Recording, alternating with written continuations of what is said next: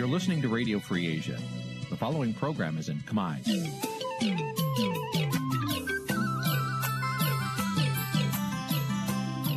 នេះជាកម្មវិធីផ្សាយ Vuthu Azizi Serai នេះជាកម្មវិធីផ្សាយរបស់ Vuthu Azizi Serai ជាភាសាខ្មែរ Vuthu Azizi Serai សូមស្វាគមន៍លោកអ្នកនាងទាំងអស់ពីរដ្ឋធានី Washington នៃសហរដ្ឋអាមេរិក ចាប់ផ្សាយផ្ទាល់ពីរដ្ឋធានី Washington នាងខ្ញុំសុកជីវីសូមជម្រាបសួរលោកនាងកញ្ញាដែលកំពុងតាមដានការផ្សាយរបស់វិទ្យុអាស៊ីសេរីទាំងអស់ជាទីមេត្រីចា៎យើងខ្ញុំសូមជូនកម្មវិធីផ្សាយសម្រាប់យប់ថ្ងៃច័ន្ទ13រោចខែពុត្របុត្រឆ្នាំឆ្លូវត្រីស័កពុរសករាជ2565ចាប់ត្រូវនៅថ្ងៃទី4ខែតុលាគ្រិស្តសករាជ2021ចាជាដំបូងនេះសូមអញ្ជើញលោកអ្នកនាងស្ដាប់ព័ត៌មានប្រចាំថ្ងៃដែលមានមេត្តាដូចតទៅ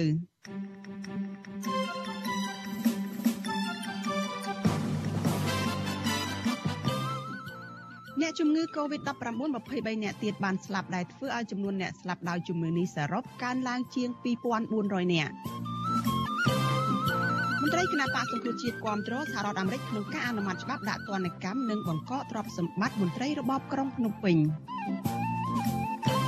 មន្ត្រីសិទ្ធិមនុស្សនិងសហជីពស្នើឲ្យអាជ្ញាធរស៊ើបអង្កេតបនលបែងអនឡាញដែលបង្ខំឲ្យបុគ្គលិកធ្វើការទាំងផ្ទុះជំងឺ Covid-19 ពេញកាស៊ីណូ បទសម្ភាសអំពីយុទ្ធនាការជំរុញឲ្យរបបឯកបកងាកមកគោរពកិច្ចព្រមព្រៀងសន្តិភាពទីក្រុងប៉ារីឡើងវិញរួមនឹងព័ត៌មានផ្សេងៗមួយចំនួនទៀតចាជាបន្តទៅទៀតនេះនាងខ្ញុំសុជីវីសូមជូនព័ត៌មានទាំងនេះពិស្ដា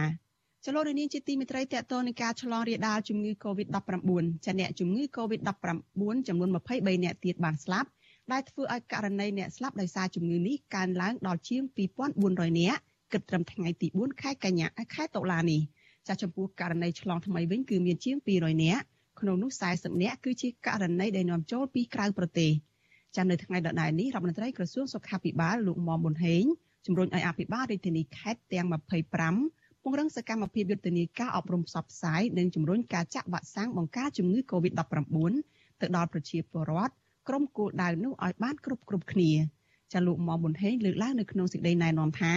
ការធ្វេសប្រហែសរបស់ប្រជាពលរដ្ឋមួយចំនួនក្នុងការអនុវត្តវិធានការបង្ការជំងឺ Covid-19 បណ្ដាលឲ្យមានករណីថ្មីឆ្លងថ្មីកើនឡើងនៅតាមខេត្តមួយចំនួនហើយក្នុងនោះការឆ្លងជំងឺធ្ងន់ធ្ងរនិងការស្លាប់នៅតែមាននៅក្នុងចំណោមអ្នកដែលមិនទាន់ចាក់វ៉ាក់សាំងលោកណែនាំឲ្យអភិបាលរាជធានីខេត្តទាំងអស់យកចិត្តទុកដាក់អប់រំផ្សព្វផ្សាយអំពីការចាក់វ៉ាក់សាំងនិងលើកទឹកចិត្តដល់កុមារនិងប្រជាពលរដ្ឋដែលមានអាយុចាប់ពី6ឆ្នាំឡើងទៅ ឲ្យទៅទទួលវ៉ាក់សាំងឲ្យបានឆាប់ដើម្បីបង្កើនភាពស៊ាំនៅក្នុងសហគមន៍និងកាត់បន្ថយការចម្លងជំងឺ Covid-19 ជាពិសេសគឺប្រភេទបំផ្លែងខ្លួនថ្មីទន្ទឹមគ្នានេះអាជ្ញាធរត្រូវស្វែងរកអ្នកដែលមិនទាន់បានចាក់វ៉ាក់សាំងនៅក្នុងសហគមន៍និងសិក្សាអំពីមូលហេតុជាក់លាក់របស់ពួកគេលោកថាអាជ្ញាធរត្រូវយកចិត្តទុកដាក់ផ្ដល់មធ្យោបាយគ្រប់គ្រងឲ្យបានសមស្របដើម្បីជួយទៅដល់ជនរងគ្រោះដូចជាអ្នកមានជំងឺប្រចាំកាយជាមនុស្សចាស់ជរា ខ្វះទីពឹងជនពិការសហគមន៍ក្រីក្រ សហគមន៍ឆ្ងាយដាច់ស្រយាលជាដើម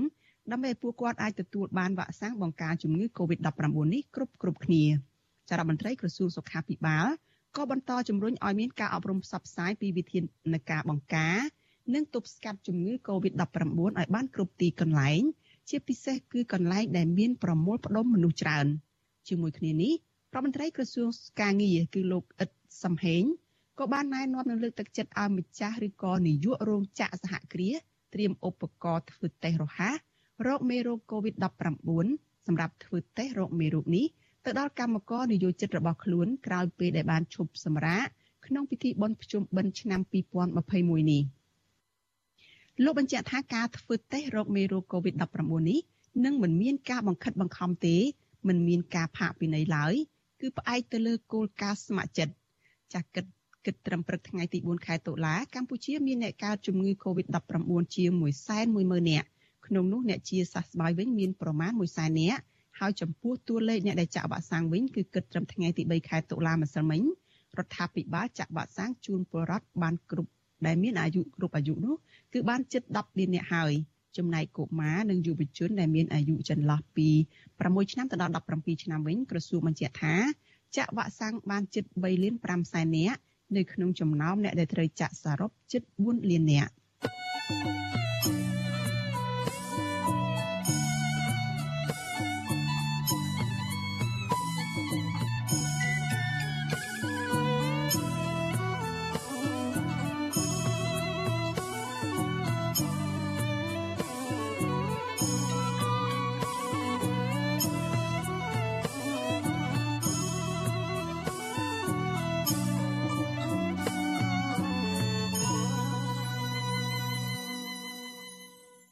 ចលនានាងកញ្ញាប្រិមិត្តជាទីមេត្រីចាមន្ត្រីសិទ្ធិមនុស្សនិងសហជីពស្នើឲ្យអាជ្ញាធរស៊ើបអង្កេតដោយឯករាជ្យលើបនលបែងអនឡាញមួយ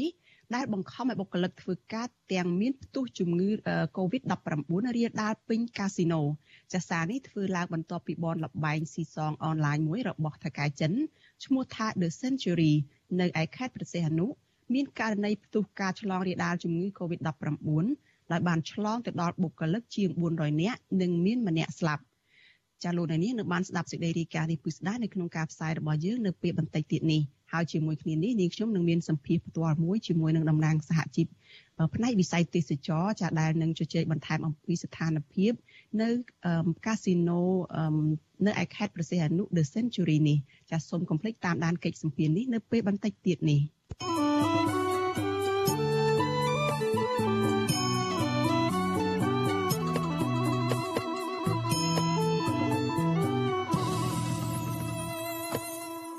ចាលោកនាងកញ្ញាជាទីមេត្រីចាតកតនឹងការអនុម័តច្បាប់ឬក៏សេចក្តីស្នើច្បាប់ស្តីពីការដាក់ទណ្ឌកម្មមន្ត្រីនៃរបបក្រុងភ្នំពេញវិញម្ដងចាគណៈបកសង្គ្រោះជាតិថាគាំទ្រសហរដ្ឋអាមេរិកនៅក្នុងការអនុម័តច្បាប់ដាក់ទណ្ឌកម្មនិងបង្កកទ្រព្យសម្បត្តិលើមន្ត្រីរបបក្រុងភ្នំពេញចាបកប្រឆាំងអះអាងថាការអនុម័តច្បាប់នេះគឺជាសារមួយបង្ហាញថាសហរដ្ឋអាមេរិកនឹងមិនអត់ធ្មត់ចំពោះការរំលោភសិទ្ធិមនុស្សនៅកម្ពុជានោះតទៅទៀតទេ ចាសសូមស្ដាប់សេចក្តីរាយការណ៍របស់លោកមានរិទ្ធអំពីរឿងនេះគណៈបាសង្គ្រោះជាតិកំពុងបន្តសកម្មភាពការទូតដើម្បីជំរុញឲ្យស្ថាប័នព្រឹទ្ធសភាសហរដ្ឋអាមេរិកអនុម័តច្បាប់ដាក់ទណ្ឌកម្មលើមន្ត្រីរបបក្រុងភ្នំពេញឬច្បាប់ HR 4686ឲ្យបានលឿនបន្តទៅទៀត អនុប្រធានគណៈបកសង្គ្រោះជាតិអ្នកស្រីមូសុហួរអះអាងថាការអនុម័តច្បាប់នេះគឺដោយសារតែសហរដ្ឋអាមេរិកមិនអាចទទួលយកបានទេនៅការរំលោភបំពានសិទ្ធិមនុស្សនិងលទ្ធិប្រជាធិបតេយ្យនៅកម្ពុជាដូច្នេះហើយអ្នកស្រីជំរុញឲ្យរបបក្រុងភ្នំពេញជជែកគ្នាជាមួយសហរដ្ឋអាមេរិកដើម្បីរកវិធីស្ដារលទ្ធិប្រជាធិបតេយ្យនិងបញ្ឈប់ការរំលោភបំពានសិទ្ធិមនុស្សជាបន្តទៅទៀតទើបរបបក្រុងភ្នំពេញអាចរួចផុតពីការដាក់ទណ្ឌកម្មរបស់សហរដ្ឋអាមេរិកបាន។ គាត់ត្រូវតែជជែកគ្នាជាមួយនឹងសហរដ្ឋអាមេរិកប្រសិនជាលោកហ៊ុនសែនវិរិយប័ត្របញ្ចប់ការរំលោភបំពានបញ្ចប់ការទម្លាក់ប្រជាប្រជាធិបតេយ្យវាអាចអនុគ្រោះឲ្យបានសេចក្តីថ្លែងការណ៍ចុះថ្ងៃទី3ខែតុលាគណៈបាសង្គ្រោះជាតិបញ្ជាក់ថាច្បាប់ស្តីពីលទ្ធិប្រជាធិបតេយ្យនៅកម្ពុជា ឆ្នាំ2021ឬ HR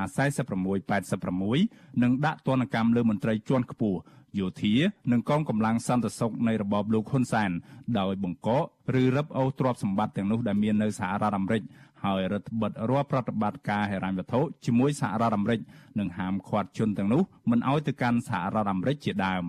គណៈបកសង្គ្រោះជាតិបន្តថាការរំលាយគណៈបកប្រឆាំងដ៏ធំជាងគេគឺគណៈបកសង្គ្រោះជាតិការចាប់ខ្លួនប្រជាពលរដ្ឋទាំងកំរោលដោយគ្រាន់តែប្រើប្រាស់សិទ្ធិបញ្ចេញមតិរបស់ខ្លួន ការរំលោភបំពាននិងការឃុំខ្លួនជនរងគ្រោះដីធ្លីការបំបិទសិទ្ធិសេរីភាពរបស់អ្នកសារព័ត៌មានឯករាជ្យនិងមេដឹកនាំសហជីពគឺជាទង្វើប្រឆាំងនឹងសិទ្ធិជាមូលដ្ឋានដោយដែលមានចែងនៅក្នុងកិច្ចព្រមព្រៀងសន្តិភាពទីក្រុងប៉ារីឆ្នាំ1991និងនៅក្នុងរដ្ឋធម្មនុញ្ញរបស់កម្ពុជា គណៈបពប្រឆាំងមួយនេះយល់ថាសមាជិកសភាសហរដ្ឋអាមេរិកគឺលោក Alan Leventhal មកពីគណៈបកប្រជាធិបតេយ្យនិងលោក Steve Chabot មកពីគណៈបកសាធារណរដ្ឋដែលបានតាក់តែងច្បាប់ HR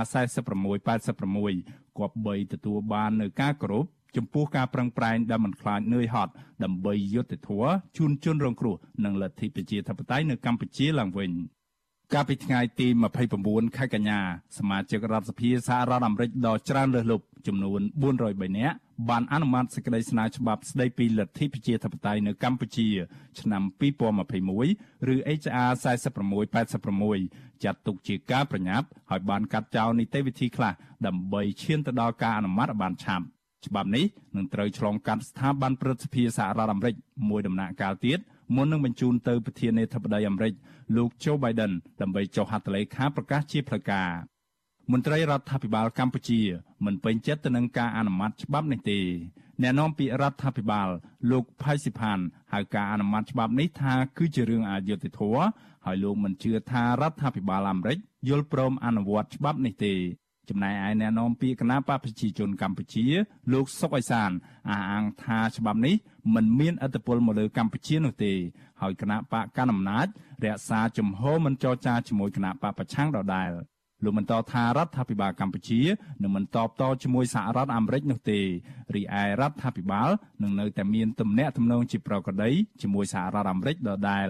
ការអនុម័តច្បាប់របស់សភាអាមេរិកជារឿងរបស់អាមេរិកគឺគ្មានអីពាក់ព័ន្ធជាមួយឯករាជ្យនិងអធិបតេយ្យភាពរបស់កម្ពុជាទេបាទក៏ប៉ុន្តែអ្នកវិភាគសង្កេតឃើញថាយន្តការអន្តរជាតិដូចជាប្រព័ន្ធអនុគ្រោះពន្ធ EBA របស់សហភាពអឺរ៉ុបប្រព័ន្ធអនុគ្រោះពន្ធ GSP របស់សហរដ្ឋអាមេរិកនិងច្បាប់ស្តីពីលទ្ធិប្រជាធិបតេយ្យកម្ពុជាឆ្នាំ2021នេះសុទ្ធសឹងតែជាយន្តការសំខាន់ដែលអាចជំរុញឲ្យមានការចរចានយោបាយនៅកម្ពុជាបាន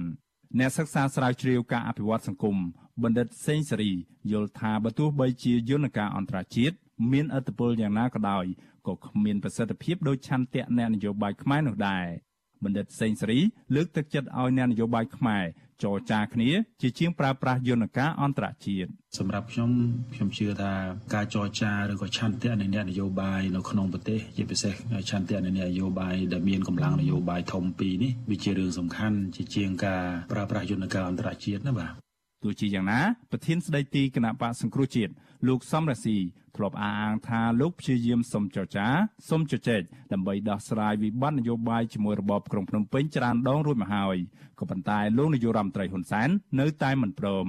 លោកក៏តែងតែអំពាវនាវឲ្យពលរដ្ឋនិងសហគមន៍អន្តរជាតិបង្កើនការដាក់សម្ពាធលើរបបក្រុងភ្នំពេញតាមគ្រប់វិធីសាស្ត្រដើម្បីបង្ខំឲ្យលោកហ៊ុនសែនងាកមករកការចរចាស្ដារលទ្ធិប្រជាធិបតេយ្យនៅកម្ពុជាឡើងវិញ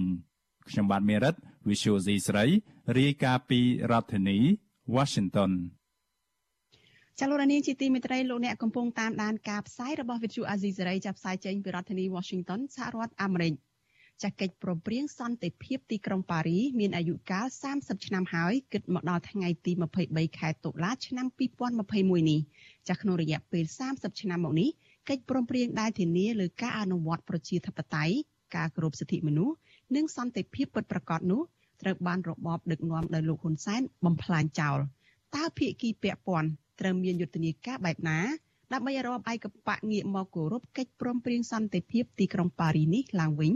ចាសសូមលោកនាងរងចាំទស្សនាបទសម្ភាសអំពីបញ្ហានេះនៅក្នុងកម្មវិធីផ្សាយរបស់យើងនៅពេលបន្តិចទៀតនេះចាដោយមានលោកទីនសាការីយ៉ាគឺជាអ្នកសម្របសម្រួល thank you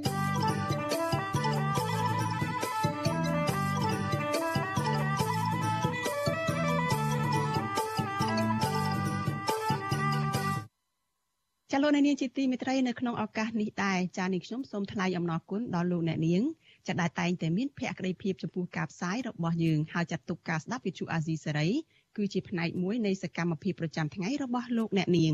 ចាការគ្រប់គ្រងរបស់លោកអ្នកនាងនេះហើយដែលធ្វើឲ្យយើងខ្ញុំកាន់តែមានទឹកចិត្តថែមទៀតក្នុងការស្វែងរកនិងផ្តល់ព័ត៌មានជូនលោកអ្នកនាងចាំមានអ្នកស្ដាប់មានអ្នកទស្សនាកាន់តែច្រើនកាន់តែធ្វើឲ្យយើងខ្ញុំមានភាពស្វាហាប់មោះមុតជាបន្តទៅទៀត ចាស់យើងខ្ញុំសូមអរគុណទុកជាមុនហើយសូមអញ្ជើញលោកអ្នកនាងកញ្ញាចូលរួមជំរុញឲ្យសកម្មភាពផ្តល់ព័ត៌មានរបស់យើងនេះកាន់តែជោគជ័យបន្ថែមទៀតចាលោកអ្នកនាងអាចជួយយើងខ្ញុំបានដោយគ្រាន់តែចុចចែករំលែកឬក៏ share ការផ្សាយរបស់វិទ្យុអាស៊ីសេរីនៅតាមបណ្ដាញសង្គម Facebook និង YouTube នេះទៅកាន់មិត្តភ័ក្តិរបស់លោកអ្នកនាងចាដើម្បីឲ្យការផ្សាយរបស់យើងបានទៅដល់មនុស្សកាន់តែច្រើន។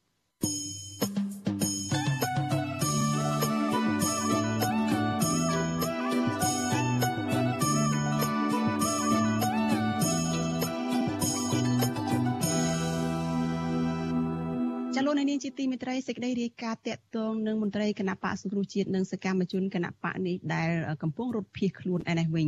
ចាមន្ត្រីគណៈបកសង្គ្រោះជាតិម្នាក់ទៀតនៅឯខេត្តបន្ទាយមានជ័យ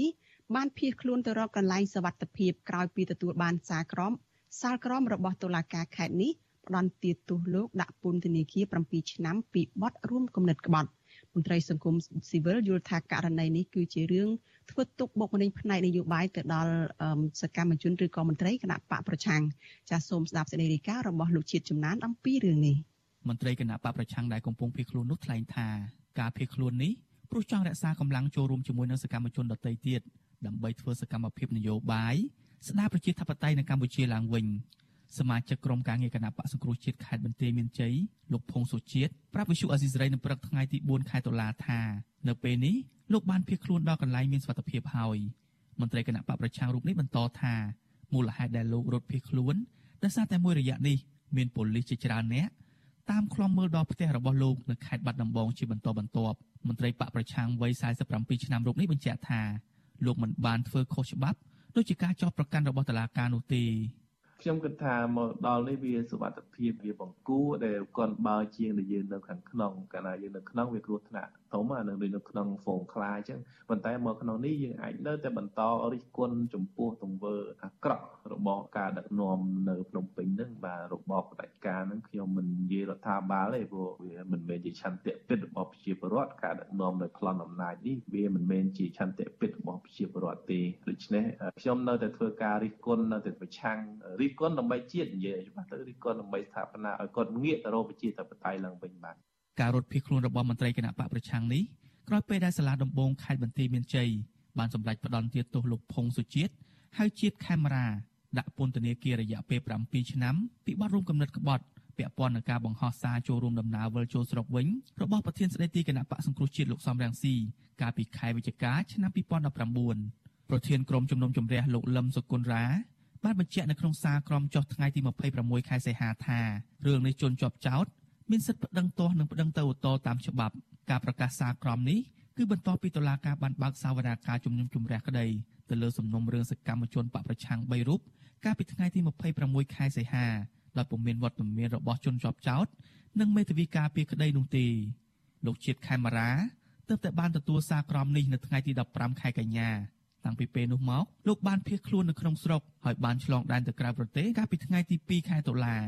សំណុំរឿងនេះ មានសកម្មជនគណបកប្រឆាំង2នាក់ទៀតគឺសមាជិកក្រុមប្រឹក្សាសង្កាត់ប៉ោយប៉ែតជាប់ឆ្នោតគណបកសង្គ្រោះជាតិលោកឆាំសុផាន់និងសកម្មជនម្នាក់ទៀតលោកស្រីខុនសាវរ៉ាន់ក៏ត្រូវបានតុលាការចេញសារក្រមផ្ដន្ទាទោសកំបាំងមុខដាក់ពន្ធនាគារ7ឆ្នាំក្រោមបទចោទដូចគ្នាដែរបច្ចុប្បន្នអ្នកទាំងពីរកំពុងភៀសខ្លួនទៅក្រៅប្រទេសជុំវិញរឿងនេះមន្ត្រីសម្របសម្រួលការពារសិទ្ធិមនុស្សអាត6ខេត្តបាត់ដំបងលោកចិនមេលីយល់ថាការសម្ដែងរបស់តុលាការនេះគឺជាការគំរាមកំហែង និងរដ្ឋបិទសិទ្ធិសេរីភាពសម្ដែងមតិរបស់ពលរដ្ឋលោកបន្តថារឿងនេះជាសំណុំរឿងចាស់ដែលលោកនាយករដ្ឋមន្ត្រីហ៊ុនសែនបានប្រកាសលើកលែងទោសដល់សកម្មជនបកប្រឆាំងទាំងនោះហើយដូច្នេះតុលាការគួរតែទម្លាក់ចោលការចោទប្រកាន់នេះ។ យើងឃើញរឿងជាច្រើនណាស់នៅក្នុងខេត្តបាត់ដំបងហ្នឹងណាខាងមន្ត្រី CNOP ជាច្រើននេះត្រូវបានកត់ចោលរហូតទល់ឥឡូវហ្នឹងហើយអ្នកខ្លះដោះលែងនៅក្នុង9វិច្ឆិកាមកក៏អត់មានឃើញកាត់អីដែរណាអញ្ចឹងបើសិនជាសកម្មជននោះនៅស្ងៀមមិនបញ្ចេញមតិនៅស្ងៀមមិនបញ្ចេញមតិអ្វីទាំងអស់អានឹងប្រហែលជាអាចបាននៅផ្ទះសុកណាតែបើបញ្ចេញមតិគឺมันអាចនៅផ្ទះมันអាចនៅជួបជុំក្រុមគ្រួសារបានអញ្ចឹងអានឹងវាគឺជាការរឹតបន្តឹងសេរីភាពបញ្ចេញមតិជាការរឹតបន្តឹងសេរីភាពហើយបាទ មន្ត្រីបកប្រឆាំងលោកផុងសុជាតិនិយាយថារឿងនេះលោកនឹងមិនប្តឹងទាស់ទៅតុលាការជាន់ខ្ពស់នោះទេព្រោះលោកគ្មានជំនឿលើស្ថាប័នតុលាការមកដល់ពេលនេះអាជ្ញាធររបបក្រុងភ្នំពេញបានចាប់ខ្លួនសកម្មជននយោបាយសកម្មជនសង្គមនិងសកម្មជនបរិស្ថានជិត90នាក់ហើយដាក់ក្នុងពន្ធនាគារដោយភាកច្រើនចោទប្រកាន់ពីបទញុះញង់និងរួមគំនិតក្បត់ក្រៅពីនេះសកម្មជនរាប់សិបនាក់ទៀតកំពុងភៀសខ្លួនទៅក្រៅប្រទេសដើម្បីគេចចេញពីការចាប់ខ្លួនក្នុងសំណុំរឿងដូចគ្នានេះដែរ អ្នកតាមដានខ្លំមើលបញ្ហាសង្គមចាត់ទុកការចាប់ខ្លួនសកម្មជនទាំងនេះថាជាការបោះសម្អាតអ្នកមាននានាការផ្ទុយពីរដ្ឋាភិបាលដែលជាឆ្អឹងទៅតឹងកដល់ការដឹកនាំរបស់របបឯកបកខ្ញុំបាទជាចំណាន Visual Assisary ពីរដ្ឋធានី Washington ចលនានាងជាទីមេត្រីព័ត៌មានតកតងនឹងជនជាដើមភៀកតិចវិញម្ដងចាស់ជនជាដើមភៀកតិចភ្នងដែលរងគ្រោះដោយសារទំនប់វារីអគិសនីសេសានក្រៅពី រំពឹងថាអភិបាលខេត្តស្ទឹងត្រែងដែលទើបតែតែងតាំងថ្មីគឺលោកស្វាយសំអៀងនោះអាចនឹងដោះស្រាយបញ្ហាប្រឈមនានាជូនជនជាតិដើមភាគតិចភ្នងឲ្យជ្រះស្រឡះជាពិសេសគឺពន្លឿនការចុះបញ្ជីដីព្រៃសមូហភាពនៅឯសហគមន៍ភូមិក្បាលរមៀ ចាការលើកឡើងនេះគឺបន្ទាប់ពីរដ្ឋមន្ត្រីក្រសួងមហាផ្ទៃលោកសខេងនៅព្រឹកថ្ងៃទី4ខែតុលានេះបានធ្វើពិធីអធិអធិបតីនៅក្នុងការប្រកាសមុខតំណែងលោកស្វាយសំអៀងឲ្យទៅជាអភិបាលខេត្តស្ទឹងត្រែងថ្មីជំនួសឲ្យលោកមុបសរឿនចាលោកនេះនៅបានស្ដាប់សេចក្តីរាយការណ៍នេះពុស្ដានៅក្នុងការផ្សាយរបស់យើងនៅពេលបន្តិចទៀតនេះ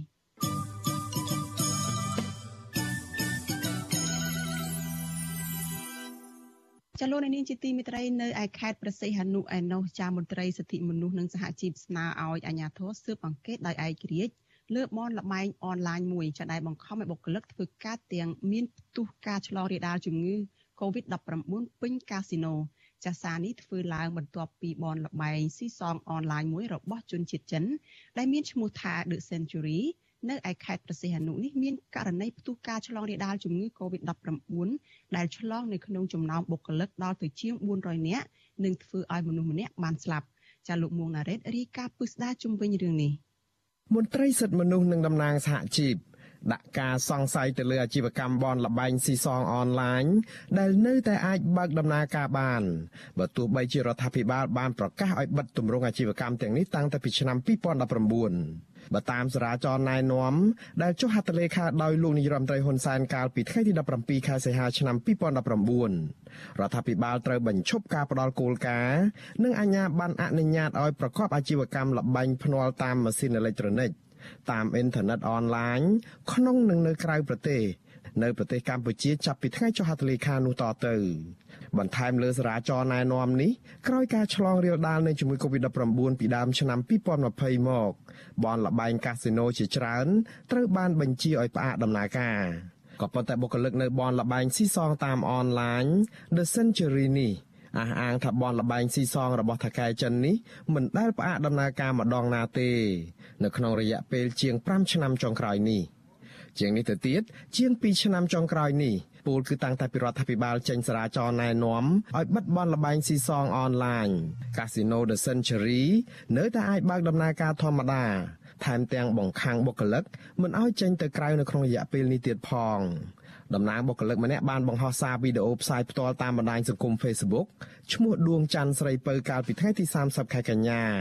រៀបរាប់ទាំងទឹកភ្នែកអំពីការដែលត្រូវនៅជាប់គាំងនៅក្នុងបនលបែង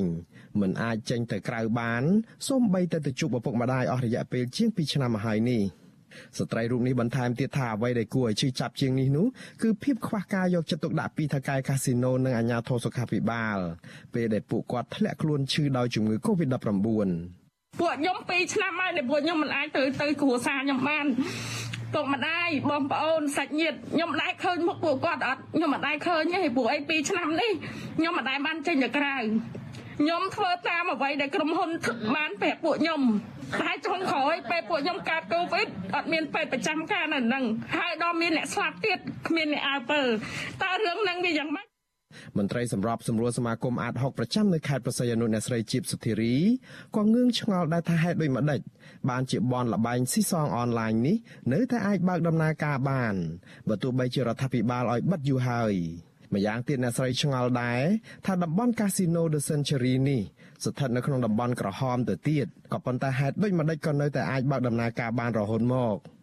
អ្នកស្រីថាការបើកបនលបែងស៊ីសងអនឡាញគឺជាការបំពានចរាចរណ៍ណែនាំរបស់រដ្ឋាភិបាលមួយទៅហើយចុះបើមានការបង្ខាំងបុគ្គលិកដោយការអះអាងរបស់បុគ្គលិកទៅទៀតនោះ វារឹតតែជាការបំពានមួយជាន់ទៀតទៅហើយនេះ នៅមិនទាន់គិតដល់ការបំពេញច្បាប់ស្តីពីវិធានការទប់ស្កាត់ការឆ្លងរីករាលដាលនៃជំងឺ Covid-19 នោះផងព្រោះក្រោយបុគ្គលិកឆ្លងជំងឺ Covid-19 រាប់រយនាក់ទៅហើយកាស៊ីណូនេះនៅតែឲ្យបុគ្គលិកបន្តធ្វើការតទៅទៀតអ្នកស្រីស្នើឲ្យអាជ្ញាធរស៊ើបអង្កេតករណីនេះឲ្យបានស៊ីជម្រៅនិងចាប់ជនដែលប្រព្រឹត្តល្មើសនិងអ្នកពាក់ព័ន្ធទាំងអស់ឲ្យទទួលទោសនៅចំពោះមុខច្បាប់ខ្ញុំសំណូមពរឲ្យបាត់កិច្ចអាជ្ញាធរនឹង មេតាសិក្សាស្រាវជ្រាវអំពីរឿងនេះព្រោះសមត្ថកិច្ចហើយនឹងអាជ្ញាធរលោកមានសិទ្ធិគ្រប់គ្រាន់នៅក្នុងការចុះទៅសិក្សាស្រាវជ្រាវមើលថាតើកាស៊ីណូដូចសេនជូរីនេះពិតជាមានការបង្ខំឲ្យបុគ្គលិករបស់ខ្លួនបន្តធ្វើការងារតទៅទៀតសម្រាប់អ្នកដែលគាត់មិនមានការស្ថិតនៅមេរោគ COVID-19 មន្ត្រីសហជីពក៏ងឿងឆ្ងល់អំពីការបណ្តែតបណ្តោយឲ្យបនលបែងស៊ីសងអនឡាញនេះបើកដំណើរការបាននៅក្បែរច្រមុះអភិបាលខេត្តទោះបំពេញបំរាមរបស់រដ្ឋាភិបាល ប្រធានសហព័ន្ធសហជីពវិស័យទេសចរនិងសេវាកម្មកម្ពុជាលោកមុំរទ្ធីថាខាងបុគ្គលិកកាស៊ីណូបានប្រាប់លោកថាអ្នកគ្រប់គ្រងកាស៊ីណូនេះដឹងខ្លួនថាបើកអាជីវកម្មនេះខុសច្បាប់ដែរក៏ប៉ុន្តែនៅតែបើកទាំងបំពេញនិងអាចគេចរួចពីសំណាញ់ច្បាប់បានរហូតព្រោះថៅកែដូចជាបានដឹងមុនជារហូតឲ្យតែមានអាជ្ញាធរមានសមត្ថកិច្ចចុះទៅពិនិត្យមើលទីតាំងនោះម្ដងម្ដង ហើយរឿងផ្ទៃក្នុងមួយទៀតដែលពួកគាត់ប្រាប់ខ្ញុំហ្នឹងថាមានពេលខ្លះពេលគេចោះឆាយទៅគាត់រើតុករើអីបិទទុកចោលទៅមួយថ្ងៃហ្នឹងដូចជាបិទកាស៊ីណូអញ្ចឹងណាប៉ុន្តែបន្ទាប់ពីគេទៅផុតទៅគេគាត់បើកវិញហើយអាហ្នឹងអ្វីដែលកម្មករប្រាប់ខ្ញុំណាអញ្ចឹងយើងមើលចំណុចហ្នឹងវាជាចំណុចមួយដែលបំផាំងភ្នែកបានន័យថាតាំងពីដើមមកគាត់បើករហូត5 1ឆ្នាំគាត់បើករហូតមន្ត្រីសហជីពរូបនេះសង្ស័យថាមានមន្ត្រីជាច្រើនពាក់ព័ន្ធនៅក្នុងការបិទបាំងព័ត៌មាននេះ ព្រោះបើទោះបីជាកាស៊ីណូនេះបើកដោយខុសច្បាប់យ៉ាងណាក្តីការដែលមានបុគ្គលិកបម្រើការរហូតដល់ជាង400នាក់យ៉ាងនេះច្បាស់ជាខាងមន្ត្រីក្រសួងការងារក៏ត្រូវដឹងរឿងនេះដែរហើយឥឡូវយើងអត់ដឹងថាគាត់បានចុះមួយមន្ទីរការងារក្រសួងការងារយ៉ាងម៉េចហើយប្រើលក្ខខណ្ឌការងារយ៉ាងម៉េចយើងអត់ដឹងទាំងអស់ បញ្ហាសិទ្ធិការងារនេះកំពុងចោទជាបញ្ហាមួយជាន់ទៀតដោយសារតែបុគ្គលិកម្នាក់បានស្លាប់ក៏ប៉ុន្តែមិនដឹងខាងណាជាអ្នកទទួលខុសត្រូវសម្រាប់ការផ្ដាល់សំណងដល់គាត់ដោយសារតែគាត់ស្លាប់ដោយសារតែការជំងឺ Covid-19 នៅកន្លែងធ្វើការកាស៊ីណូអនឡាញចិន The Century នេះមានទីតាំងនៅភូមិ5សង្កាត់លេខ4នៅឯខេត្តបរសៃអនុមានចំនួនកម្មករបុគ្គលិកបម្រើការសរុប437នាក់បុគ្គលិកក្រុមហ៊ុននេះអះអាងថាកម្មករទាំងអស់ឆ្លងជំងឺនេះ ការផ្ទុះរាលដាលជំងឺនេះផ្ដើមដំបូងពីថ្ងៃទី23ខែកញ្ញាក្រោយបុគ្គលិកម្នាក់ទៅភ្នំពេញធ្វើតេស្តរកឃើញថាមានផ្ទុកជំងឺនេះភ្លាមនោះអ្នកគ្រប់គ្រងកាស៊ីណូបានធ្វើតេស្តរហ័សលើបុគ្គលិកនិងរកឃើញបុគ្គលិកជាច្រើនអ្នកផ្ទុកជំងឺនេះក៏ប៉ុន្តែកាស៊ីណូនេះនៅតែបន្តបើកដំណើរការរហូតនិងឲ្យបុគ្គលិកបន្តធ្វើការទាំងឈឺរហូតដល់ថ្ងៃទី30ខែកញ្ញាក្រោយបុគ្គលិកម្នាក់ស្លាប់ដោយសារតែជំងឺនេះទើបបែករឿង ពេលនោះគេឃើញអាជ្ញាធរចុះមកបញ្ជាឲ្យផ្អាកអាជីវកម្មនេះសិនមន្ត្រីសហជីពមួយរូបទៀតថាលោកហួសចិត្តដែលចំនួនបុគ្គលិកឆ្លងជំងឺនេះកើតឡើងទៅហើយខាងកាស៊ីណូនៅតែបើកដំណើរការទៀតប្រធានសហភាពការងារកម្ពុជាលោកអាតធុនថានេះគឺជាការបំពានធ្ងន់ធ្ងរលើច្បាប់ស្តីពីជំងឺ Covid-19 និងប្រមាថសុខភាពសុវត្ថិភាពនិងអាយុជីវិតបុគ្គលិកកាស៊ីណូនោះ វាគួរឲ្យជឿនឹងនៅពេលដែលមានចំនួននឹងកើតឡើងហើយចំនួនជំងឺ Covid វាកើតឡើងហើយនៅតែអនុញ្ញាតឲ្យធ្វើការទៀតព្រោះតាមច្បាប់កូវីដនេះมันត្រឹមតែរឿងថាដឹងហើយมันប្រាប់គេឬក៏ទៅចម្លងគេនឹងមានទោសហើយនេះគឺមានន័យថាមានន័យថាដឹងហើយឆ្លងហើយឲ្យធ្វើការទៀតអាហ្នឹងវាចង់និយាយថាត្រួតលើត្រួត ច្បាប់ស្តីពីវិធានការទប់ស្កាត់ការឆ្លងរីករាលដាលនៃជំងឺ Covid-19 មាត្រា9និងមាត្រា10ចែងអំពីបទល្មើសចម្លងដោយចេតនានៃជំងឺ Covid-19 ដល់អ្នកដទៃនិងបទមិនគោរពវិធានការរដ្ឋបាល ដែលត្រូវផ្ដន្ទាទោសដាក់ពន្ធនាគារពី2ឆ្នាំដល់20ឆ្នាំ និងពិន័យជាប្រាក់រហូតដល់ទៅ20លានរៀលវិទ្យុអាស៊ីសេរីមិនទាន់អាចសុំការបំភ្លឺជំរាបរឿងនេះពីអ្នកនាំពាក្យសាលាខេត្តប្រសិទ្ធអនុលោកខៀងភិរមបាននៅឡើយទេមកត្រឹមការផ្សាយនេះដោយសារតែលោកមិនលើកទូរស័ព្ទ បើទោះបីជាយ៉ាងនេះក្តីរដ្ឋបាលខេត្តប្រសិទ្ធអនុចេញសេចក្តីជូនដំណឹងកាលពីថ្ងៃទី27ខែកញ្ញាថានឹងចាត់វិធានការរដ្ឋបាលនឹងច្បាប់ចំពោះម្ចាស់កាស៊ីណូដែលមានការពាក់ព័ន្ធទោះក្នុងរូបភាពដោយប្រយោលឬក៏ដោយផ្ទាល់ក្តីទៅលើការបង្ខំឲ្យមនុស្សធ្វើការជាដើម។ រដ្ឋបាលខេត្តនេះថាក្នុងករណីម្ចាស់កាស៊ីណូប្រព្រឹត្តបទល្មើសដោយមានចែងខាងលើរដ្ឋបាលខេត្តនឹងចាត់វិធានការផ្អាកទីតាំងអាជីវកម្មជាបណ្ដោះអាសន្ននិងកសាងសំណុំរឿងបញ្ជូនទៅតុលាការដើម្បីផ្ដន្ទាទោសបុគ្គលដែលមានពាក់ព័ន្ធស្របតាមច្បាប់ជាធរមានព្រមទាំងស្នើសុំរដ្ឋាភិបាលដើម្បីលុបអាជ្ញាប័ណ្ណអាជីវកម្មជាស្ថាពរ ស្របពេលដែលអាជ្ញាធរបដិញ្ញាចិត្តបែបនេះបុគ្គលិកកាស៊ីណូជាច្រើនរងការគំរាមកំហែងឲ្យលុបវីដេអូផ្សាយផ្ទាល់លើបណ្ដាញសង្គម Facebook ដែលរាយការណ៍អំពីការមិនយកចិត្តទុកដាក់របស់អាជ្ញាធរលើបញ្ហារបស់ពួកគាត់នោះបើទោះបីជាយ៉ាងនេះក្តីបុគ្គលិកទាំងនោះប្រកាន់ជំហរថាមិនលុបវីដេអូនោះទេព្រោះពួកគាត់និយាយតែការពិតក្រោយបុគ្គលិកទាំងនោះមិនព្រមធ្វើតាមការចង់បានរបស់អាជ្ញាធរមានបុគ្គលិកមួយក្រុមផ្សេងទៀតដែលស្ថិតនៅក្រុមអ្នកគ្រប់គ្រងក្រុមហ៊ុននិងជាអ្នកកាន់ជើងខាងថៅកែ បានបង្ហោះវីដេអូមួយកាលពីថ្ងៃទី3ខែតុលាដើម្បីបន្សាបព័ត៌មានរបស់ក្រុមបុគ្គលិកដែលរងគ្រោះពិតប្រាកដវីដេអូនោះត្រូវបានរដ្ឋបាលខេត្តបរសៃអនុយកមកបង្ហោះនៅលើ Facebook ផ្ទាល់របស់ខ្លួនយ៉ាងណាក៏ដោយចុះក្រុមអង្គការសង្គមស៊ីវិលទាមទារឲ្យរដ្ឋាភិបាលបើកការស៊ើបអង្កេតបនលបែងកាស៊ីណូ The Century ជាបន្ទាន់ដើម្បីលាតត្រដាងការពិតដល់ប្រជាពលរដ្ឋខ្មែរពីបញ្ហានានាដែលបានលើកឡើងនោះខ្ញុំបាទមុងណារ៉េត With you Azizi ប្រធានាធិបតី Washington ចាលោកនាងជាទីមេត្រីនៅក្នុងរឿងនេះចាយើងបានភ្ជាប់ប្រព័ន្ធវីដេអូ Skype ទៅប្រធានសហព័ន្ធសហជីពវិស័យទេសចរនិងសេវាកម្មកម្ពុជាចាគឺលោកមុំរទ្ធីចាយើងនឹងជជែកជាមួយលោកមុំរទ្ធីដើម្បីឲ្យលោកនាងបានដឹងបន្ថែមទៀតតកតងទៅនឹងកាស៊ីណូ The Century នេះចាជម្រាបសួរលោកមុំរទ្ធីចាបាទបាទជំរាបសួរបាទចាលោកមុំរទ្ធីអឺ សហជីពហើយនិងអ្នកសិទ្ធិមនុស្សនឹងមើលឃើញថាគួរតែមានករណីស៊ើបអង្កេតក្រុមហ៊ុនកាស៊ីណូ The Century នេះចាប់ពីព្រោះមានរឿងរ៉ាវជាច្រើនណាស់តាក់ទងនឹងផ្លូវច្បាប់នៅក្នុងរឿងនេះតើចំណុចណាខ្លះទៅដែលត្រូវមានស៊ើបមានការស៊ើបអង្កេតដែលចាត់ទុកថាជាការអនុវត្តដែលមិនស្របច្បាប់នឹងចាលោករដ្ឋីបាទជាដំបូងជំរាបសួរបងប្អូនជំនុំជាតិខ្មែរហើយក៏សូមជំរាបសួរដល់ អ្នកដឹកនាំប្រទេសទាំងអស់ហើយប្រទេសកម្ពុជាយើងហើយសូមអរគុណវិទ្យុអស៊ីសេរីដែលបានភ្ជាប់សម្រាប់ឲ្យខ្ញុំបានធ្វើការបកស្រាយនៅថ្ងៃនេះសម្រាប់ខ្ញុំខ្ញុំយល់ថាវាមានអង្គហេតុច្បាប់អឺផ្សេងផ្សេងគ្នា ទីមួយយើងឃើញថានៅពាក់ព័ន្ធនឹងច្បាប់ការងារគឺមន្ត្រីការងារត្រូវចុះសិក្សាពីដំបូងមកថា នៅក្នុងខេត្តប្រសេនុហ្នឹងមានកាស៊ីណូចំនួនប្រមាណសន្តាគារប្រមាណហើយបើកមុខរបរហ្នឹងជាមុខរបរអីគេជាកាស៊ីណូផ្ទាល់ឬមកក៏ជាអនឡាញឬមកក៏មុខរបរអីគេអាហ្នឹងទូនទីហើយប្រើលក្ខខណ្ឌការងារហ្នឹងជាមួយកម្មករប្រើលក្ខខណ្ឌការងារយ៉ាងម៉េចស្របច្បាប់ឬមិនស្របច្បាប់គាត់បានគ្រប់ជាប់ការងារអត់ហើយកម្មករចំនួនប៉ុន្មានអ្នកបាទហ្នឹងជាជាកត្តាមួយសំខាន់ ពាក់ព័ន្ធជាមួយកម្មករក្រុមហ៊ុនត្រូវមន្ត្រីការងារត្រូវចុះអធិការកិច្ចមិនមែនត្រឹមអធិកិច្ចអធិការកិច្ចត្រឹមថ្ងៃទី23 24 25ដល់ថ្ងៃទី30ហ្នឹងទេគឺអធិការកិច្ចតាំងពីក្រុមហ៊ុនហ្នឹងចាប់ដើមបើកដំបូងប្រហែលឆ្នាំមុនហ្នឹងបាទហ្នឹងរឿងប្រព័ន្ធច្បាប់ហ្នឹងមួយរឿងទី2ពាក់ព័ន្ធនឹងក្រសួងពាណិជ្ជកម្ម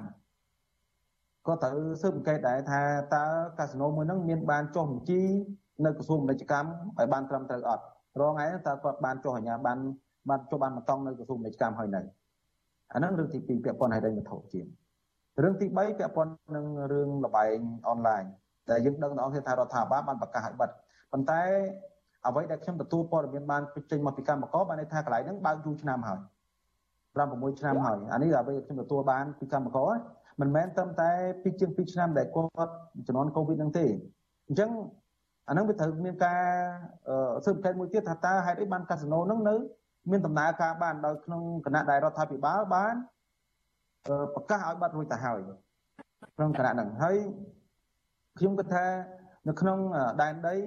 គឺមានការគ្រប់គ្រងច្បាស់លាស់ថាតើអ្នកណាដែល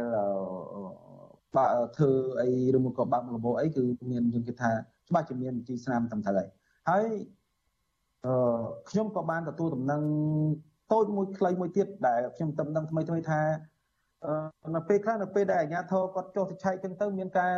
រើតក់រើអីចឹងទៅបិទមួយថ្ងៃអីចឹងនេះទៅសម្រាប់អាជ្ញាធរត្រឡប់ទៅបាត់ក៏មានការដំណើរការឡើងវិញអាហ្នឹងយើងក៏មិនដឹងដែរថាការមានការលាក់បាំងពីផ្នែកអាជ្ញាធរយ៉ាងណាក៏យើងអត់ដឹងដែរប៉ុន្តែអានេះជាអ្វីដែលខ្ញុំទទួលបានព័ត៌មានថ្មីថ្មីទៅទទួលបាននឹងដែរទេ ចាលោកមុំរដ្ឋាភិបាលកាត់ប្រសាសន៍លោកកន្លែងហ្នឹងបន្តិចចាមានន័យថាខាងកាស៊ីណូហ្នឹងគឺគាត់បានដឹងព័ត៌មាននៅពេលដែលមន្ត្រី ខាងផ្នែកអធិការកិច្ចដែលចុះពីមន្ទីរការងារនឹងចុះទៅអនុវត្តការពិនិត្យតាមដាននៅតាមកាស៊ីណូហ្នឹងគឺគាត់បានដឹងព័ត៌មានមុនហើយគាត់ត្រៀមខ្លួនធ្វើបិទបាំងថាគាត់មិនមានអាជីវកម្មទេនៅពេលដែលមានមន្ត្រីចុះទៅនឹងអញ្ចឹងមានន័យថាអញ្ចឹងចា៎ អឺបើសិនជាខ្ញុំខ្ញុំយល់ឃើញអញ្ចឹងបានន័យថាប្រហែលជាគាត់ដឹងមុន បានជាមានការឬអីវ៉ាន់ឬអីទុកហាក់បីដូចជាបិទអីចឹងទៅមិនមានការដំណើរការណាធ្វើប្រព័ន្ធផ្នែកអាជ្ញាធរអីចឹងទៅអានេះបើជានៃខ្ញុំយល់ខ្ញុំយល់ឃើញអញ្ចឹងបានគាត់ដឹងមុនមិនគាត់រៀបចំតនណាប៉ុន្តែយ៉ាងណាក៏ដោយព័ត៌មាននេះគឺខ្ញុំទទួលបានមករយៈពេលមួយខ្លីដែរទេហើយយើងក៏មិនទាន់បានស៊ើបអង្កេតស៊ីជម្រៅថា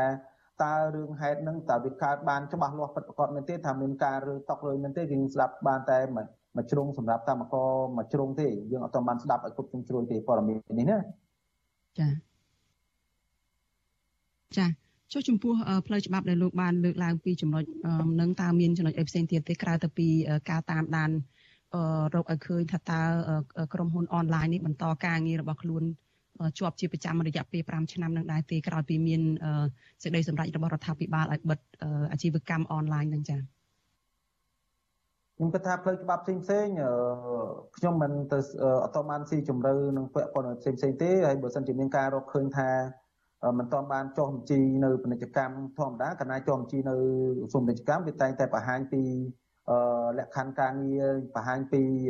មុខរបរអាជីវកម្មនឹងមកប្រកបបានបើគេបានគេបើកអាជ្ញាប័ណ្ណឲ្យអញ្ចឹងបើសិនជាចោះទៅថាជាលបែងអនឡាញខ្ញុំគិតថាក្រសួងពាណិជ្ជកម្មច្បាស់ជាមិនចុះបញ្ជីឲ្យអញ្ចឹងក៏ត្រូវតែមានការស៊ើបអង្កេតហើយបើស៊ើបអង្កេតទៅមានការពាក់ព័ន្ធថាมันបានចុះបញ្ជីអាហ្នឹងទុកឲ្យច្បាប់មួយផ្នែកទៀតពាក់ព័ន្ធនឹងដាក់ទោសទណ្ឌវិន័យអីអាហ្នឹងព្រមបន្ទាន់អីផ្សេងៗអាហ្នឹងជារឿង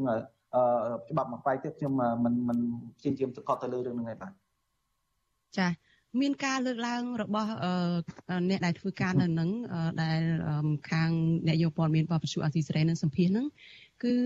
គាត់បញ្ជាក់ថាចាប់តាំងពីមានករណីប្រកាសឲ្យបិទការរកស៊ីអនឡាញកាស៊ីណូអនឡាញអីហ្នឹងគឺខាង The Century ក្រុមហ៊ុនកាស៊ីណូហ្នឹងគាត់បង្ខាំង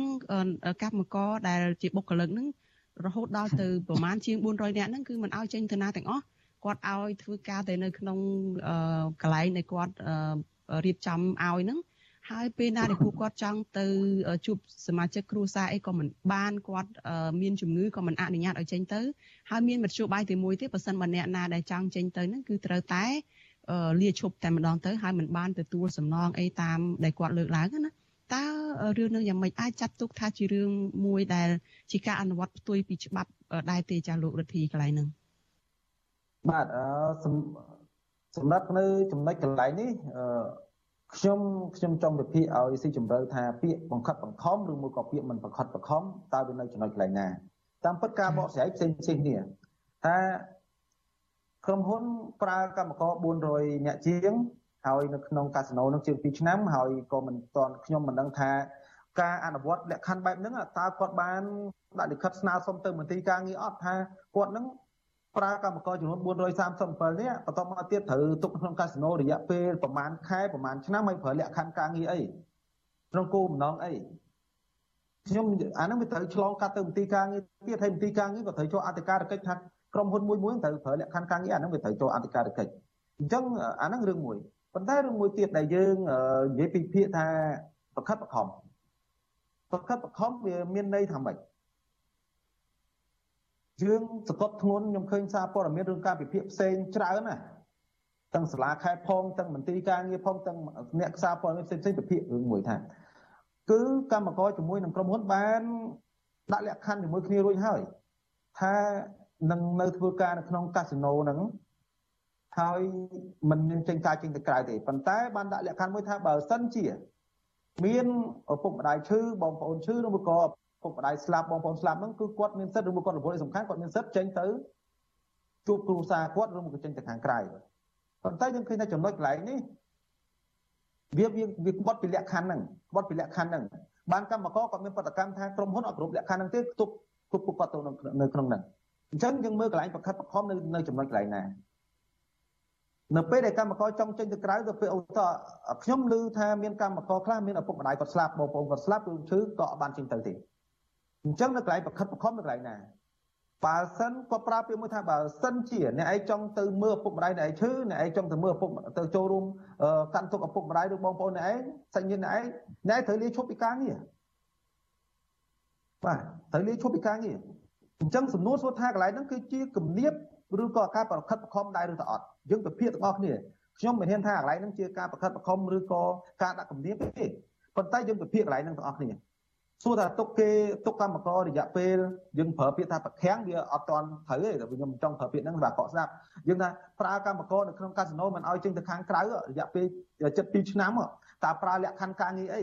លក្ខខណ្ឌការងារចេញមកពីណាពីច្បាប់រដ្ឋឬមកក៏ពីមន្ទីរការងារក្រសួងការងារអនុញ្ញាតឲ្យប្រើអញ្ចឹងឬមកក៏តកែងប្រើខ្លួនឯង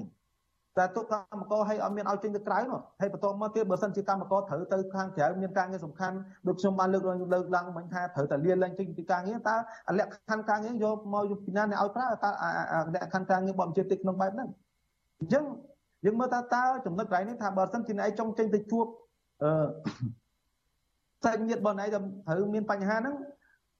អ្នកឯងត្រូវលាឈប់ពីការងារសួរថាពាក្យសម្ដីបែបហ្នឹងគឺជាលក្ខខណ្ឌការងារបបជាទីក្នុងលក្ខណៈ ជាសង្កត់អ្នករកបង្ខំឬមួយក៏អត់ទេ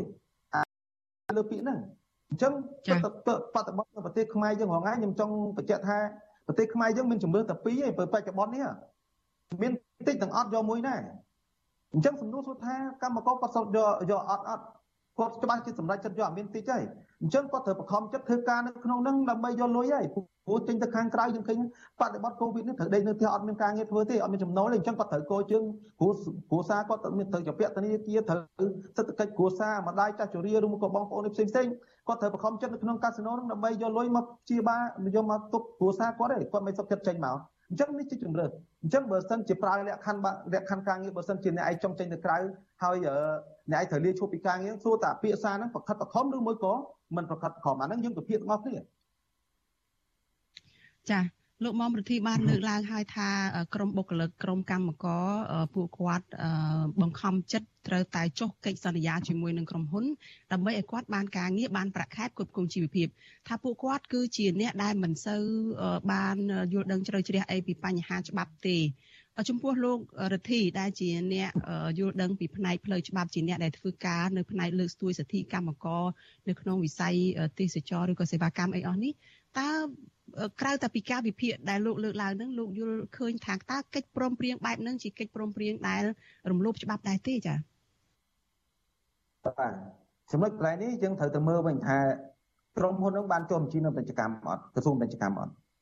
បានបងពុនទៅក្រសួងអរិយវត្ថុត្រឹមត្រូវអត់យើងទៅមើលអាហ្នឹងបានយើងអាចមកនិយាយរឿងច្បាប់បានបើគាត់អត់មានប្រើក៏បានចុះបញ្ជីក៏អត់បានសុំការអនុញ្ញាតបើកអាជីវកម្មទេច្បាប់អីក៏អត់អត់អាចប្រើយកមកប្រើបានដែរ ច្បាប់ការងារគឺប្រើឡើងបានមកព្រោះពួកគាត់អត់បានចុះបញ្ជីរឿងអីទៅប្រើច្បាប់ការងារកើតអាហ្នឹងយើងត្រូវនឹងមើលទី1រឿងទី2គាត់ប្រើបើសិនជាគាត់មានច្បាប់ចេញពីបើកឲ្យបើកអាជីវកម្មមែនយើងត្រូវមើលច្បាប់ការងារមុននឹងគាត់បង្កើតបទបញ្ជាផ្ទៃក្នុងយើងទៅសួររឿងក្នុងក្រុមហ៊ុនហ្នឹងមកដល់ពេលហ្នឹងមកហ្នឹងតើគាត់មានបង្កើតប្រតិភូបុគ្គលិកហើយនៅប្រតិភូបុគ្គលិកគឺសំខាន់ណាដែលឲ្យក្រុមហ៊ុនបង្កើតហើយទៅនិតទៅលើបទបញ្ជាផ្ទៃក្នុងទាំងឡាយណាដែលក្រុមហ៊ុនបានបង្កើតមកត្រូវត្រូវពិភាក្សាជាមួយប្រតិភូបុគ្គលិកហ្នឹង ដើម្បីចេញបទបញ្ជាផ្ទៃក្នុងឬបទបញ្ញត្តិផ្សេងៗឲ្យទៅកម្មករអនុវត្តឥឡូវយើងមើលមកច្បាប់ខាងនេះតើគាត់មានមានប្រតិភូបុគ្គលិកហើយនឹងបើសិនជាគាត់អត់មានទេបាបបទបញ្ជាផ្ទៃក្នុងទាំងឡាយដែលគាត់បង្កើតគឺទុកជានិរិកហើយអត់អាចមកយកអនុវត្តបានទេវាផ្ទុយពីច្បាប់ច្បាប់អត់ទទួលស្គាល់ទេអានឹងយើងឃើញផ្នែកច្បាប់ខាងនេះប៉ុន្តែបើគាត់មានប្រតិភូបុគ្គលិកដែរសួរថាប្រើលក្ខខណ្ឌបទបញ្ជាផ្ទៃក្នុងបែបហ្នឹងមន្ត្រីការងារមានដឹងអត់ បទបញ្ជាផ្ទៃក្នុងបទបញ្ញត្តិរួមមកកលដំណើរការអនុញ្ញាតទាំងឡាយទាំងអស់ដែលបើកបានក្នុងខេត្តព្រះសីហនុលុះត្រាតែប្រធានមន្ត្រីការងារអនុញ្ញាតឲ្យធ្វើបានគាត់អាចទៅធ្វើកើតឥឡូវគាត់បង្កើតបទបញ្ជាផ្ទៃក្នុងឬលក្ខខណ្ឌថាឥឡូវឲ្យកម្មករធ្វើការនៅក្នុងកាស៊ីណូនឹងរយៈពេលមិនឲ្យចេញទៅក្រៅហើយបន្ថែមប្រាក់ខែ30%ឬអត្ថប្រយោជន៍ផ្សេងផ្សេងបន្តមកទៀតត្រូវមានលក្ខខណ្ឌ មិនឲ្យចេញទៅក្រៅទេមិនឲ្យយកអាហារចូលពីក្រៅចូលក្នុងទេមិនឲ្យជួបមួយសាច់ញាតិទេតើតើប្រធានមន្ត្រីការងារមានដឹងពីអាលក្ខខណ្ឌការងារបែបហ្នឹងទេមានដឹងពីបទបញ្ជាផ្ទៃក្នុងក្រុមហ៊ុនបែបហ្នឹងទេអត់ឆ្លងកាត់ទៅប្រធានមន្ត្រីផងហ្នឹងអត់ឆ្លងកាត់ទៅមន្ត្រីផងហ្នឹងអញ្ចឹងយើងថាទាំងអស់នេះបើសិនជាប្រធានមន្ត្រីការងារដឹងថាគាត់ប្រើលក្ខខណ្ឌការងារបែបហ្នឹងហើយគឺទៅអនុញ្ញាតឲ្យប្រើទៀតណាបានន័យថាប្រធានមន្ត្រីការងារក៏អត់គ្រប់ច្បាប់ដែរអានឹងយើងនិយាយពីពីរឿងអង្គអង្គច្បាប់ឲ្យបានច្បាស់អញ្ចឹងចំណុចកន្លែងនេះ វាពិភាក្សាអង្គច្បាប់ទី1ទៅមើលនៅក្រសួងហេដ្ឋារចនាសម្ព័ន្ធត្រូវមានការបងពុនអត់ក្រសួងពាណិជ្ជកម្មមានបានចុះជីសុំការអនុញ្ញាតបើកអាជីវកម្មហើយនៅហើយក្រែងមើលច្បាប់ការងារមានបានបង្កើតពតភូបុគ្គលិកហើយនៅហើយមានឆ្លងកាត់មន្ត្រីការងារដើម្បីត្រួតពិនិត្យហើយនៅអាហ្នឹងវាទៅទៅទៅកំប្រងគ្នាទាំងតែតែម្ដងអត់មានអីត្រូវចម្លែកទៅហ្នឹងគឺច្បាប់ប្រព័ន្ធច្បាប់គឺចេញមកអញ្ចឹងមកចា អឺលោកមុំរទ្ធីបានលើកឡើងពីការងាររបស់មន្ទីរការងារនៅឯខេត្តបរសេនុនេះចាប់ប្រធានមន្ទីរការងារនៅខេត្តបរសេនុចាគឺលោកអឺយោខេមរ៉ាចាលោកបាន live វីដេអូតាម Facebook ហ្នឹងនៅថ្ងៃនេះចាមានរយៈពេលវែងណាដូចជា2ម៉ោងឯណោះហើយលោកបាននិយាយច្រើនណាស់តាក់ទងទៅនឹងកិច្ចខិតខំប្រឹងប្រែងរបស់ខាងក្រសួងខាងអាជ្ញាធរ យកចិត្តទុកដាក់ទៅលើក្រុមកម្មករនៅឯឬក៏បុគ្គលិកនៅឯក្រុមហ៊ុន Casino The Century នឹងហើយលោកបានលើកឡើងថាអាជ្ញាធរនឹងបានប្រឹងប្រែងណាស់នៅក្នុងការចុះទៅជួយយកសំណាក់ចុះទៅផ្ដល់ការណែអឺជួយសង្គ្រោះទៅដល់ក្រុមកម្មករបុគ្គលិកនៅពេលដែលមានរកឃើញថាឆ្លងជំងឺ Covid-19 ពេញនៅក្នុងកាស៊ីណូនឹងផងហើយ ក៏មានថាយកចិត្តទុកដាក់ឆ្លើយតបទៅនឹងការស្នើសុំរបស់ក្រុមគ្រួសាររបស់កញ្ញានៃហៀងស្រីនិចចាដែលកញ្ញាបានស្លាប់នៅពេលកំពុងស្ថិតនៅក្នុងបរិវេណរបស់ក្រុមហ៊ុនឬក៏កន្លែងដែលក្រុមហ៊ុនអឺទុកឲ្យគាត់ធ្វើការហ្នឹងហើយគាត់មានជំងឺ Covid-19 ចាលោកអឺ មុំរទ្ធីយល់យ៉ាងម៉េចទៅចំពោះចម្លើយឆ្លើយតបរបស់លោកយើងខេមរាដែលជាប្រធានមន្ទីរការងារខេត្តបរសេអនុដែលគាត់ថាមានការខំប្រឹងប្រែងយកចិត្តទុកដាក់ចំពោះក្រុមបុគ្គលិកនឹងចា៎បាទចូលដល់ចំណុចនេះខ្ញុំក៏សូមជំរាបសួរលោកអភិបាលខេត្តបរសេអនុហើយលោកអស្នងការលោកអឺអាដាមខាងកងរាជបុហាត់ជាពិសេសជំរាបសួរដល់លោកយើងកាមេរ៉ាជាប្រធានទីការងារ ខេត្តព្រះសីហនុខ្ញុំលើតាមពិតខ្ញុំស្គាល់គាត់តាំងពីគាត់នៅអនុប្រធានទីការងារនៅខេត្តសៀមរាបហ៎មិនមែនតែស្គាល់គ្នាឥឡូវឥឡូវទេគឺគាត់មានតំណែងការងារមួយគ្នាហើយគាត់ដូរទៅធ្វើប្រធានទីនៅព្រះសីខេត្តព្រះសីហនុប៉ុន្តែអ្វីដែលគាត់ live ពីមិញហើយខ្ញុំស្ដាប់បានទូទូខ្លីៗខ្ញុំអត់មានពេលព្រោះ live វិញពេកបាទអញ្ចឹងគាត់ឲ្យខ្ញុំចង់ជំរាបថាគ្រប់បែបយ៉ាងព្យាយាមនិយាយឲ្យមានការពិតឲ្យច្រើនបានព័ត៌មានរបស់យើងនឹងសម្ដីរបស់យើងវាមានតម្លៃ ខណៈយើងព្យាយាមបកស្រាយឬមកក៏និយាយដែលអត់ពិតណាអត់មានតម្លៃទេពីព្រោះនៅក្នុងជនរងគ្រោះទាំងអស់ក្នុងកាស៊ីណូតែមិនស្លាប់ម្នាក់ទេ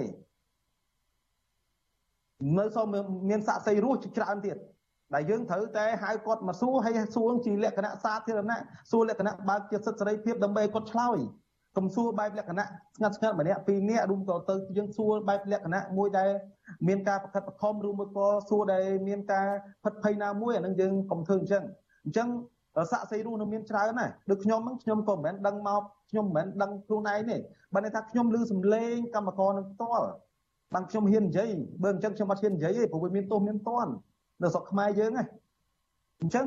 ខ្ញុំសូមលើកទឹកចិត្តតែយ៉ាងណាសូមបកស្រាយបកស្រាយចុះប៉ុន្តែព្យាយាមនិយាយរឿងពិតឲ្យបានច្រើនបានអាការបកស្រាយរបស់យើងវាមានតម្លៃអញ្ចឹងខ្ញុំខ្ញុំចង់បញ្ជាក់រឿងថាខ្ញុំដឹងរឿងការសន្លប់នោះអ្វីដែលខ្ញុំច្បាស់ពីកម្មករមកខ្ញុំមានសម្លេងពួកគាត់ឆាតមកខ្ញុំគឺការសន្លប់ហ្នឹងមិនមែនតែសន្លប់ថ្ងៃទី23ហ្នឹងទេការសន្លប់ហ្នឹងវាមានការសន្លប់តាំងពីបន្តបន្ទាប់មុនថ្ងៃហ្នឹងទៀតណោះ ពីរពីរនាក់3 4នាក់បន្តបន្ទាប់មុនថ្ងៃ23ហ្នឹងទៀតណោះមិនមែនត្រឹមថ្ងៃទី23ហ្នឹងមានសន្លប់11នាក់ទេវាមានសន្លប់3 4នាក់បន្តបន្តពីមុនថ្ងៃហ្នឹងទៀតបន្តមកទៀតដោយសារតែរឿងតកអ្នកគ្រប់គ្រងបើនិយាយពីភាពពិតកម្មករហ្នឹងគាត់បានប្រើពាក្យមួយថាគាត់អត់បន្ទោសតកែទេព្រោះតកែចង្ការគាត់អត់ដឹងរឿងទេអ្នកគ្រប់គ្រងផ្ទាល់ជាអ្នកធ្វើវាអត់កម្មករគាត់និយាយស្មោះត្រង់គាត់ថា គាត់អត់បន្ទោសតកែទេព្រោះតកែចង្ការគាត់អត់ដឹងរឿងប៉ុន្តែសម្រាប់អ្នកគ្រប់គ្រងផ្ទាល់នេះជាមួយពួកគាត់នេះទៅពេលដែលកម្មករស្លាប់នោះហៅមិនមកមើលតាក់ទងមិនបានឬមកគាត់ប្រើពាក្យសម្ដីអីផ្សេងផ្សេងអសរួមមកលើពួកគាត់អីនោះអាហ្នឹងទៅជាគ្រឿងគាត់ខឹងបើនិយាយពីភាពពិតកម្មករគាត់អត់មានខឹងតកែគាត់ថាអ្នកគ្រប់គ្រងជាអ្នកធ្វើរឿងហ្នឹងអញ្ចឹងយើងមកឃើញចំណុចហ្នឹងអញ្ចឹងការស្របបន្តបន្ទាប់បានមានការផ្ទុះថ្ងៃទី23 11នេះបានផ្ទុះស្អែកឡើងផ្ទុះរឿងការតវ៉ារឿងលក្ខខណ្ឌការងារផ្សេងផ្សេងដោយមិនមានការយកទុកដាក់មើលអ្នកស្លប់ អីផ្សេងផ្សេងឬមកក៏លក្ខខណ្ឌការងារផ្សេងផ្សេងអញ្ចឹងចាប់ពីថ្ងៃទី24ហ្នឹងតែខ្ញុំដឹងដំណឹងពេលព្រឹកកម្មករគាត់បានលេខទូរស័ព្ទខ្ញុំមកពីណាគាត់តាក់ទងមកខ្ញុំនឹងដើម្បីសុំឲ្យខ្ញុំជួយក្នុងការជួយពួកគាត់ហ្នឹងខ្ញុំបានឲ្យគាត់សិនជាសម្លេងឲ្យខ្ញុំស្ដាប់ខ្ញុំអត់ស្ដាប់តែម្នាក់ឯងព្រោះខ្ញុំត្រូវស្ដាប់មនុស្សរាប់រយនាក់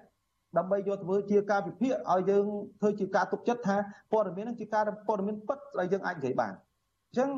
ខ្ញុំតាមដានតាំងពីព្រឹកថ្ងៃទី24រហូតដល់ល្ងាចហើយល្ងាចហ្នឹងទៅពេលដែលបណ្ឌិតមានការឆ្លងនឹងទៀតពេលល្ងាចម៉ោង7 8 9នឹងមានការឆ្លងនឹងទៀតខ្ញុំចង់ប្រាប់តែខ្ញុំឮសំឡេងកម្មករច្បាស់ថាអត់មានគ្រូពេទ្យអត់មានថ្នាំអត់មានអាហារខ្ញុំស្ដាប់ឮសំឡេងច្បាស់ហើយនឹងក្នុងក្រុមបងយើងកាមេរ៉ាក៏គាត់បានលើកឡើងថាមានក្រុមសាមគ្គីណាតាមពិតក្រុមនឹងគេបង្កើតគេអូសខ្ញុំបញ្ចូលទៅគេទិញខ្ញុំបញ្ចូលទៅដើម្បីឲ្យខ្ញុំបានស្ដាប់សំឡេងកម្មករ ហើយផ្ដល់យោបល់ឲ្យកម្មករនិយាយឲ្យការពិតទៅខ្ញុំមិនមែនអ្នកបង្កើតក្រុមអីអស់នោះទេអញ្ចឹងចាតាមពិតក្នុងក្នុងក្រុមនឹងវាគួរតែមិនមែនមានខ្ញុំទេក្នុងក្រុមនឹងវាគួរមានប្រធានមន្ត្រីការងារហើយនឹងអភិបាលខេត្តដើម្បីឲ្យគាត់ស្ដាប់សំឡេងកម្មករផ្ទាល់ខ្លួនគាត់តែម្ដងហើយឲ្យកម្មកររៀបរាប់ប្រាប់គាត់នៅក្នុងនឹងតែម្ដងបានអានេះបានជារឿងចាំទៅមិនមែនតែមានទោះជាយ៉ាងណាចាលោកមុំរទ្ធីគឺទោះបីជាមានព័ត៌មាននឹងពីការឆ្លងរាលដាលជំងឺ Covid-19 នឹងហើយក៏ដោយក៏ក្រុមកម្មករត្រូវ លើកឡើងដែរថាគាត់បន្តធ្វើការងារតទៅទៀតរហូតទាល់តែមានករណីមានកញ្ញាហ៊ីវស្រីនិចស្លាប់ទើបខាងអភិបាលគណៈអភិបាលខេត្តប្រសិទ្ធអនុនឹងចេញមកថាគេបានចាត់ទុកតំបន់នោះគឺជាតំបន់ដែលមានការឆ្លងរាលដាលធ្ងន់ធ្ងរហើយ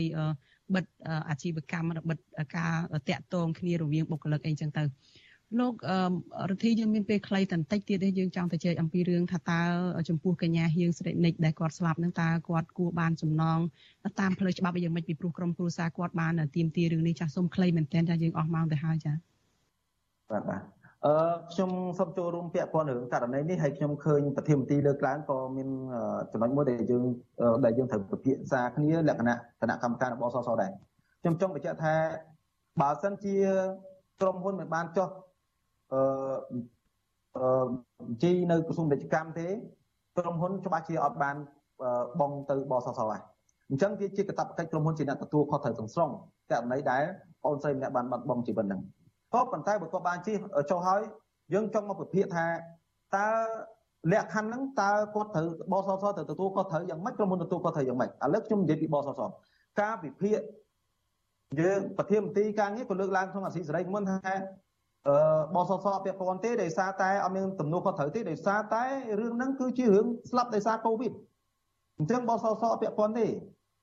គាត់នឹងធ្វើឲ្យក្រុមហ៊ុនមានការចរចាគ្នាឲ្យក្រុមហ៊ុនបងបងបងអត្ថប្រយោជន៍ហ្នឹងឥឡូវយើងនិយាយពីការអពាក់ព័ន្ធជាមួយបសសខ្ញុំសូមសុំស្នើសុំទៅនាយកស្ថានបសសដែរហើយនឹងគណៈកម្មការបសសទាំងអស់យើងខ្ញុំនឹងដាក់លិខិតមួយសុំឲ្យបកស្រាយរឿងចំណុចហ្នឹងកូវីដហ្នឹងគាត់មិនមែនតែឆ្លងកូវីដនៅផ្ទះគាត់ទេគាត់មិនមែនតែឆ្លងនៅក្រៅទេ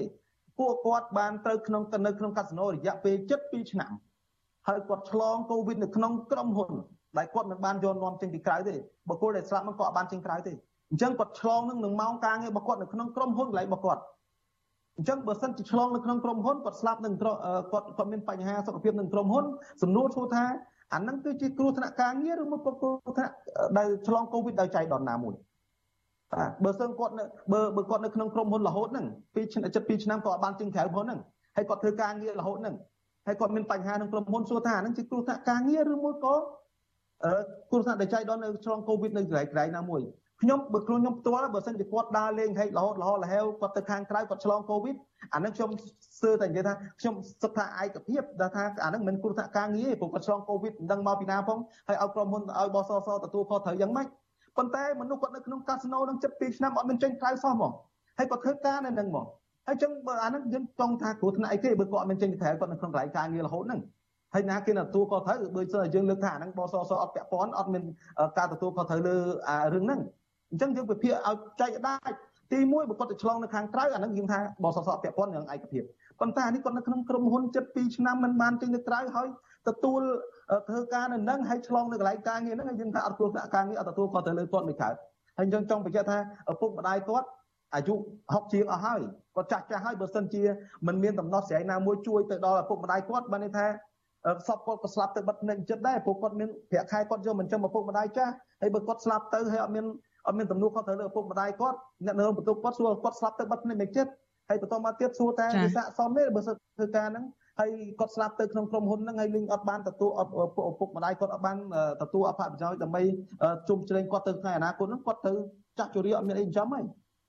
ចាអរគុណច្រើនលោកមុំរដ្ឋាចាដូច្នេះរឿងនេះខាងសហជីពរបស់លោកនឹងតាមដាននឹងជំរុញឲ្យមានការស៊ើបអង្កេតនិងស្រាវជ្រាវផ្ដាល់សំណងដល់ជនរងគ្រោះបន្ថែមទៀតចាសូមអរគុណលោកដែលបានផ្ដល់ការសម្ភាសន៍នៅយុគនេះចាជម្រាបលាលោកត្រឹមប៉ុណ្ណេះចាជូនពរលោកសុខភាពល្អ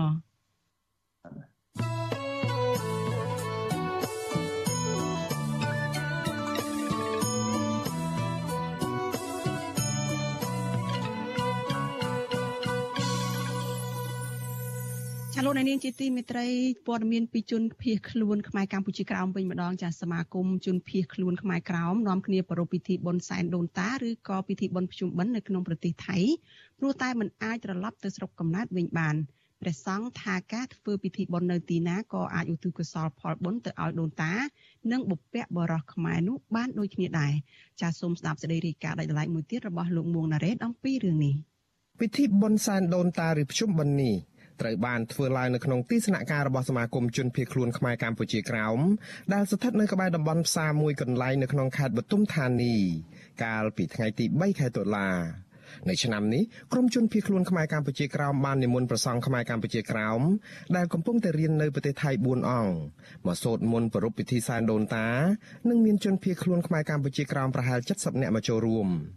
ប្រធានក្រុមជនភៀសខ្លួនខ្មែរកម្ពុជាក្រោមប្រចាំនៅប្រទេសថៃអ្នកស្រីលឹមធីឡាយឲ្យដឹងថាខ្មែរកម្ពុជាក្រោមនិយមធ្វើពិធីបុណ្យសែនដូនតា នៅក្នុងទីស្នាក់ការរបស់សមាគមជនភៀសខ្លួនព្រោះប្រជាជនថៃមិនមានពិធីបុណ្យភ្ជុំបិណ្ឌដូចខ្មែរទេអ្នកស្រីបន្តថាការបថុយជួបជុំគ្នាធ្វើបុណ្យសែនដូនតា ក្នុងស្ថានភាពជំងឺ Covid-19 នេះធ្វើឡើងដោយសារតែពួកគាត់ចង់ថែរក្សាប្រពៃណីដូនតាខ្មែរកុំឲ្យបាត់បង់ និងចង់ជួបជជែកគ្នាដើម្បីរំសាយអារម្មណ៍នឹកស្រុកកំណើតខ្លះផង។បិណ្ឌប្រពៃណីខ្មែរយើង គឺបិណ្ឌរំលឹកដល់ជីដូនជីតាគាត់ឆ្លាប់ទៅហើយចឹងណាចឹងយើងមិនអាចខានបានណាទោះតិចច្រើនអីក៏ត្រូវតែធ្វើមួយទៀតគឺឥឡូវនេះក៏សម័យ Covid ប៉ុន្តែនៅតំបន់ស៊ីមមឿងនេះក៏វាគេថាចាស់វាងសាយដែរហើយចាម្ដុំនឹងពួកខ្ញុំបានលើកឡើងមកធ្វើហើយនឹងក៏សប្បាយចិត្តដែរដែលបានធ្វើបិណ្ឌហើយហ្នឹងណា ប្រជាជនខ្មែរមានដើមកំណើតនៅកម្ពុជាក្រោមមិននិយមហៅពិធីបុណ្យភ្ជុំបិណ្ឌទេ ពួកគេនិយមហៅពិធីនេះថាជាពិធីបុណ្យសែនដូនតារាល់ឆ្នាំប្រជាពលរដ្ឋខ្មែរកម្ពុជាក្រោមមិនថានៅប្រទេសណានោះទេតែងតែឆ្លៀតនាំគ្នាទៅវត្តឬនិមន្តប្រសង់មកទទួលចង្ហាន់ដើម្បីឧទ្ទិសដល់បុព្វការីជន និងវីរៈជនខ្មែរកម្ពុជាក្រោមដែលបានធ្វើពលិកម្មដើម្បីជាតិមាតុភូមិកន្លងមក។ ជនភៀសខ្លួនខ្មែរកម្ពុជាក្រោមលោកលឹមកៅសំណាងដែលបានទៅធ្វើបន់សែនដូនតានៅសមាគមជនភៀសខ្លួនខ្មែរកម្ពុជាក្រោមដែរនោះថាលោកមានអារម្មណ៍រសាយការនឹកស្រុកកំណើតខ្លះដែរពេលបានចូលរួមធ្វើបន់នេះជុំគ្នាព្រោះលោកបានចាក់ចេញពីទឹកដីខ្មែរកម្ពុជាក្រោមជាច្រើនឆ្នាំមកហើយដោយសារតែការធ្វើទុកបុកម្នេញពីអាញាធរវៀតណាម ហើយយើងគ្រាឆ្ងាយពីមាតុភូមិយើងក៏នាំគ្នាផ្ដើមធ្វើបុណ្យប្រជុំបុណ្យឬក៏ហៅថាបុណ្យកាន់បុណ្យដល់ប្រជុំហៅកាន់បុណ្យដើម្បីយើងជួបជុំបងប្អូនយើងដើម្បីនិមន្តព្រះសង្ឃចំនួន4ព្រះអង្គដើម្បីមកឧទ្ទិសដល់យុទ្ធការទាំង7សន្តាន ពាក់ព័ន្ធនឹងពិធីបុណ្យសែនដូនតាឬភ្ជុំបិណ្ឌនេះប្រសង់ខ្មែរកម្ពុជាក្រោមដែលគង់នៅប្រទេសកម្ពុជាព្រះភិក្ខុយើងវិជ័យមានថរដីកាថាជនជាតិខ្មែរអាចធ្វើបុណ្យភ្ជុំបិណ្ឌនេះដោយសទ្ធានៅទីកន្លែងណាក៏បានដើម្បីឧទ្ទិសផលបុណ្យសម្រាប់បុព្វការីជន និងកសាងកុសលសម្រាប់ខ្លួនឯងការធ្វើចង្ហាន់ចំពោះព្រះសង្ឃមិនថានៅទីចិត្តទីឆ្ងាយនៅប្រទេសណាកន្លែងណាឲ្យតែយើងចិត្តយើងជ្រះថ្លាទោះបីមិនដល់អ្នកដែលស្លាប់ទៅក៏បានអានិសង្សខ្លួនយើងតល់ដែរ សមាគមជនភៀសខ្លួនខ្មែរកម្ពុជាក្រោមនៅប្រទេសថៃមានសមាជិកជាង250គ្រួសារពួកគាត់បានរត់ភៀសខ្លួន ពីប្រទេសវៀតណាមចូលតាមកម្ពុជានិងឆ្លងដែនបន្តទៅប្រទេសថៃដើម្បីជៀសផុតពីការធ្វើទុកបុកម្នេញរបស់អាជ្ញាធរវៀតណាម។ បើទោះបីជាទៅដល់ប្រទេសថៃហើយក្តីក៏ពួកគាត់នៅតែទាមទារសិទ្ធិសេរីភាពឲ្យប្រជាពលរដ្ឋខ្មែរកម្ពុជាក្រោមហើយខិតខំថែរក្សាវប្បធម៌ប្រពៃណីអក្សរសាស្ត្រនិងលើកដំកើងវីរៈជនខ្មែរកម្ពុជាក្រោមដែលហ៊ានធ្វើពលិកម្មដើម្បីជាតិជាដើមខ្ញុំបាទមុងណារ៉េត With you Azizi ពីរដ្ឋធានី Washington ចាលោកនាងជាទីមេត្រីចាក្រៅពីស្ដាប់ការផ្សាយរបស់វិទ្យុអាស៊ីសេរីចាតាមបណ្ដាញសង្គម Facebook និង YouTube នេះចាលោកនាងក៏អាចស្ដាប់ការផ្សាយរបស់យើងចាតាមរយៈវិទ្យុរលកធាតុអាកាសខ្លី SW ចាតាមរលករលកធាតុអាកាសដូចតទៅនេះចាប់ពេលយប់ចាប់ពីម៉ោង5កន្លះដល់ម៉ោង6ចាប់ពេលព្រឹកចាប់ពីម៉ោង5កន្លះដល់ម៉ោង6កន្លះ តាមរយៈរលកធាតុអាកាសខ្លី13715 kHz ស្មើនឹងកម្ពស់ 22m និងពេលយប់ចាប់ពីម៉ោង7កន្លះដល់ម៉ោង8កន្លះតាមរយៈរលកធាតុអាកាសខ្លី9960 kHz ស្មើនឹងកម្ពស់ 30m និង11240 kHz ស្មើនឹងកម្ពស់ 25m ចលនានេះជាទីមេត្រីជនជាតិដើមភាគតិចភ្នងដែលរងគ្រោះដោយសារទំនប់វារីអគ្គិសនីសេសានក្រោម2រំពឹងថាអភិបាលខេត្តស្ទឹងត្រែងថ្មី ដែលទើបតែតែងតាំងគឺលោកស្វាយសំអៀងនោះនឹងដោះស្រាយបញ្ហាប្រឈមនានាជូនពលរដ្ឋដែលជាជនជាតិដើមភាគតិចភ្នងឲ្យជ្រះស្រឡះជាពិសេសគឺពន្លឿនការចុះបញ្ជីដីព្រៃសមរភាពសហគមន៍ក្បាលរមៀចាលោកអ្នកនាងនឹងបានស្ដាប់សេចក្តីរាយការណ៍នេះពិស្ដានៅក្នុងការផ្សាយរបស់យើងនៅព្រឹកស្អែកដែលចាប់ផ្ដើមពីម៉ោង5កន្លះដល់ម៉ោង6កន្លះព្រឹក។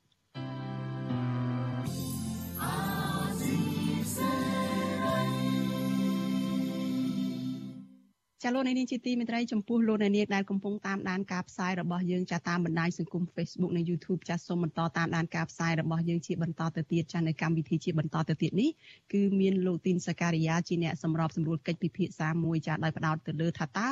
ភាគីពាក់ព័ន្ធត្រូវមានយុទ្ធនាការបែបណាដើម្បីឲ្យរបបឯកបក ងាកមកគោរពកិច្ចព្រមព្រៀងសន្តិភាពទីក្រុងប៉ារីឡើងវិញចាសសូមលោកនាងតាមដានកិច្ចសម្ភាសនេះជាបន្តទៅទៀតដូចតទៅចាសសូមអរគុណ